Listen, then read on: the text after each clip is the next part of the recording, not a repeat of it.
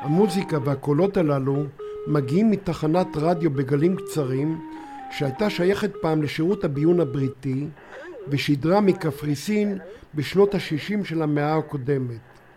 כינו אותה לינקנשר פאוצ'ר, על שם שיר עם אנגלי ידוע שאת צליליו שמעתם כעת.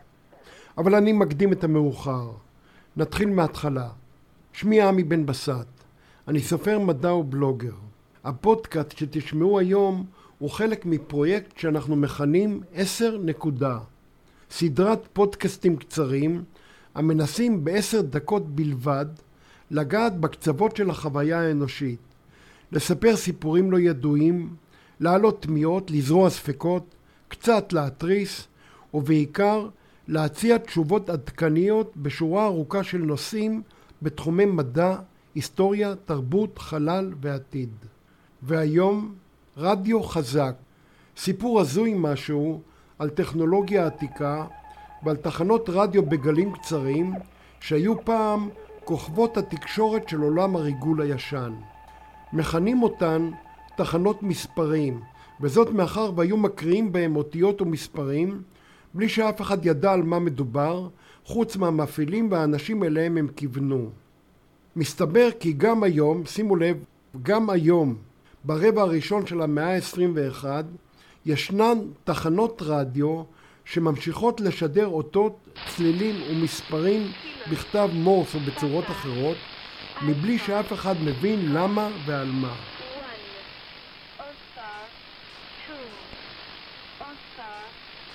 הקולות והצלילים הללו שייכים לתחנה שכונתה E10, תחנת רדיו סמויה שפעלה לפי מקורות זרים בישראל החל משנות ה-60 של המאה הקודמת ועד לפני כעשר שנים.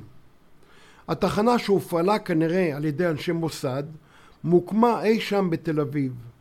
על פי המקורות הללו, התחנה שידרה בתחום ה-AM, גלים בינוניים, והשתמשה הן במספרים והן במילים. בשדרים שנקלטו הופיעו מדי פעם צירופים קלאסיים מוכרים מעולם חובבי הרדיו וגם מספרות הריגול. האות B לדוגמה יוצגה על ידי המילה בראבו, C הייתה צ'ארלי ו-T כמובן טנגו. מדי כשעה היה בוקע מהמשדרים של התחנה התל אביבית קול של אישה עם מבטא ים תיכוני. המסרים עצמם שודרו בתדרים שונים, אולי כדי למנוע ניסיונות שיבוש. כאמור, E10 כבר לא משדרת יותר. מרגלי הרדיו שלנו מחרישים. ואם מדברים כבר על כחול לבן, תכירו גם את ה-XZ4, תחנה מאזור חיפה שהייתה שייכת כנראה לחיל הים הישראלי. התחנה שידרה שידורי מורס מוצפנים כמה וכמה שנים טובות. אין עליה יותר מדי פרטים, חוץ מכמה אתרי רשת קונספירטיביים שבהם מרמזים שהיא הייתה מעורבת כביכול בענייני צוללות וספינות שהגיעו לישראל או יצאו ממנה. זו המוזיקה שלה. שתי התחנות הישראליות נמנות על קבוצה של תחנות רדיו, תחנות מספרים, שחלקן פעל וחלקן ממשיך לפעול גם בימים אלה. כאמור, הסברה המקובלת היא שמדובר בהעברת מידע לגופים וסוכני ביון בארצות אחרות. השידורים נעשים בדרך כלל בגלים קצרים, וזאת בגלל טווח הקליטה. להבדיל מגלים בתדר גבוה שנעים בקו ישר, גלים קצרים הם גלים בתדירות נמוכה יחסית, הם יכולים להגיע אל האטמוספירה העליונה ולקפץ חזרה עקב התנגשות עם חלקיקים טעונים, לקפץ לכיוון הקרקע והאוקיינוסים וחוזר חלילה, ותוך כדי כך לעבור מרחקים עצומים. ובכל זאת צריך להודות, זה די מפתיע שעדיין ממשיכים היום להשתמש בטכנולוגיה מהסוג הזה. אנחנו הרי בעידן תקשורת מתקדמת והיא נעשית במהירות ויעילות בעזרת לוויינים, אינטרנט, טלפונים סלולריים.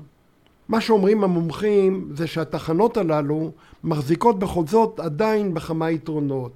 למשל פשטות ובטיחות המידע המועבר. רוב השדרים מוצפנים באמצעות פנקס ומפתח קוד חד פעמי.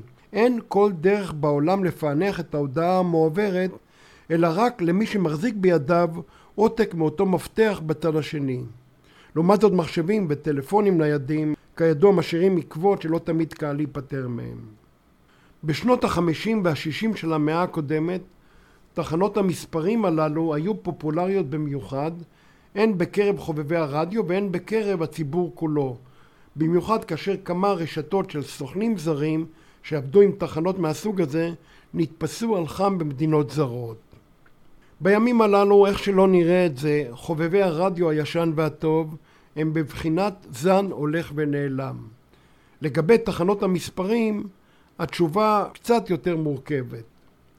ההשערה הרווחת היא שיש כיום ברחבי העולם כמה עשרות תחנות פעילות שקשורות בדרך כלל עם גופי ביון, צבא ודיפלומטיה. דוגמה לתחנה פעילה מהסוג הזה היא גלגל חורקני, The Squeaky Wheel. מדובר בתחנת רדיו רוסית בגלים קצרים שפעילה החל משנות האלפיים. את הכינוי הדביקו לחובבי הרדיו בגלל הצלילים הצורמנים שלה. אגב, אלה הוחלפו בשנים האחרונות יחד עם תדרי השידור כמה וכמה פעמים. מיקומה המדויק, כמו הייעוד שלה, של הגלגל החורקני, אינם ברורים, אבל סביר להניח שהיא חלק מאיזושהי מערכת קשר של הצבא הרוסי. בכלל נראה כי רוסיה היא המשתמשת הכבדה ביותר בפורמט התקשורת הזה הקרוי תחנות מספרים. אחת התחנות היותר מפורסמות וגם אולי יותר מסתוריות שפועלות עד היום נקראת UVB 76 ובכינוי שנתנו לחובבי הרדיו הבאזר וזאת בגלל הבאזים המונוטונים החוזרים ונשנים שלה. היא משדרת בתדר 4625 קילו הרץ. קצת קשה להאמין, אבל הבאזר משדרת, ממשיכה לשדר כמעט ללא הפסקות כבר כמחצית המאה, משנת 1973. אין כמעט ספק שהבאזר מופעלת על ידי הצבא הרוסי. בהיעדר הסבר רשמי למטרותיה, התיאוריות לגביה משגשגות ופורחות.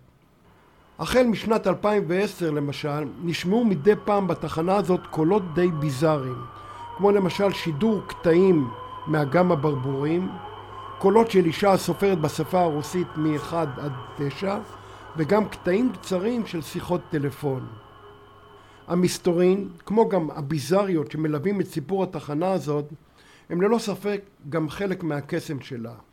לא מפתיע שקבוצות גדולות של חובבי רדיו עסוקים כל הזמן במאמצים בלתי פוסקים לפענח את הסודות שלה וגם לאתר את מיקומה. אז מה הסיפור של הבאזר?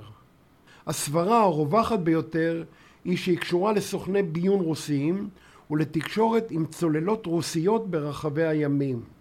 סברה אחרת, מרתקת ומפחידה באותה עת, מדברת על הבאזר כגרסה קולית של מערכת המכונה Dead Man Switch. היא קשורה לתסריט מהסוג של סוף העולם.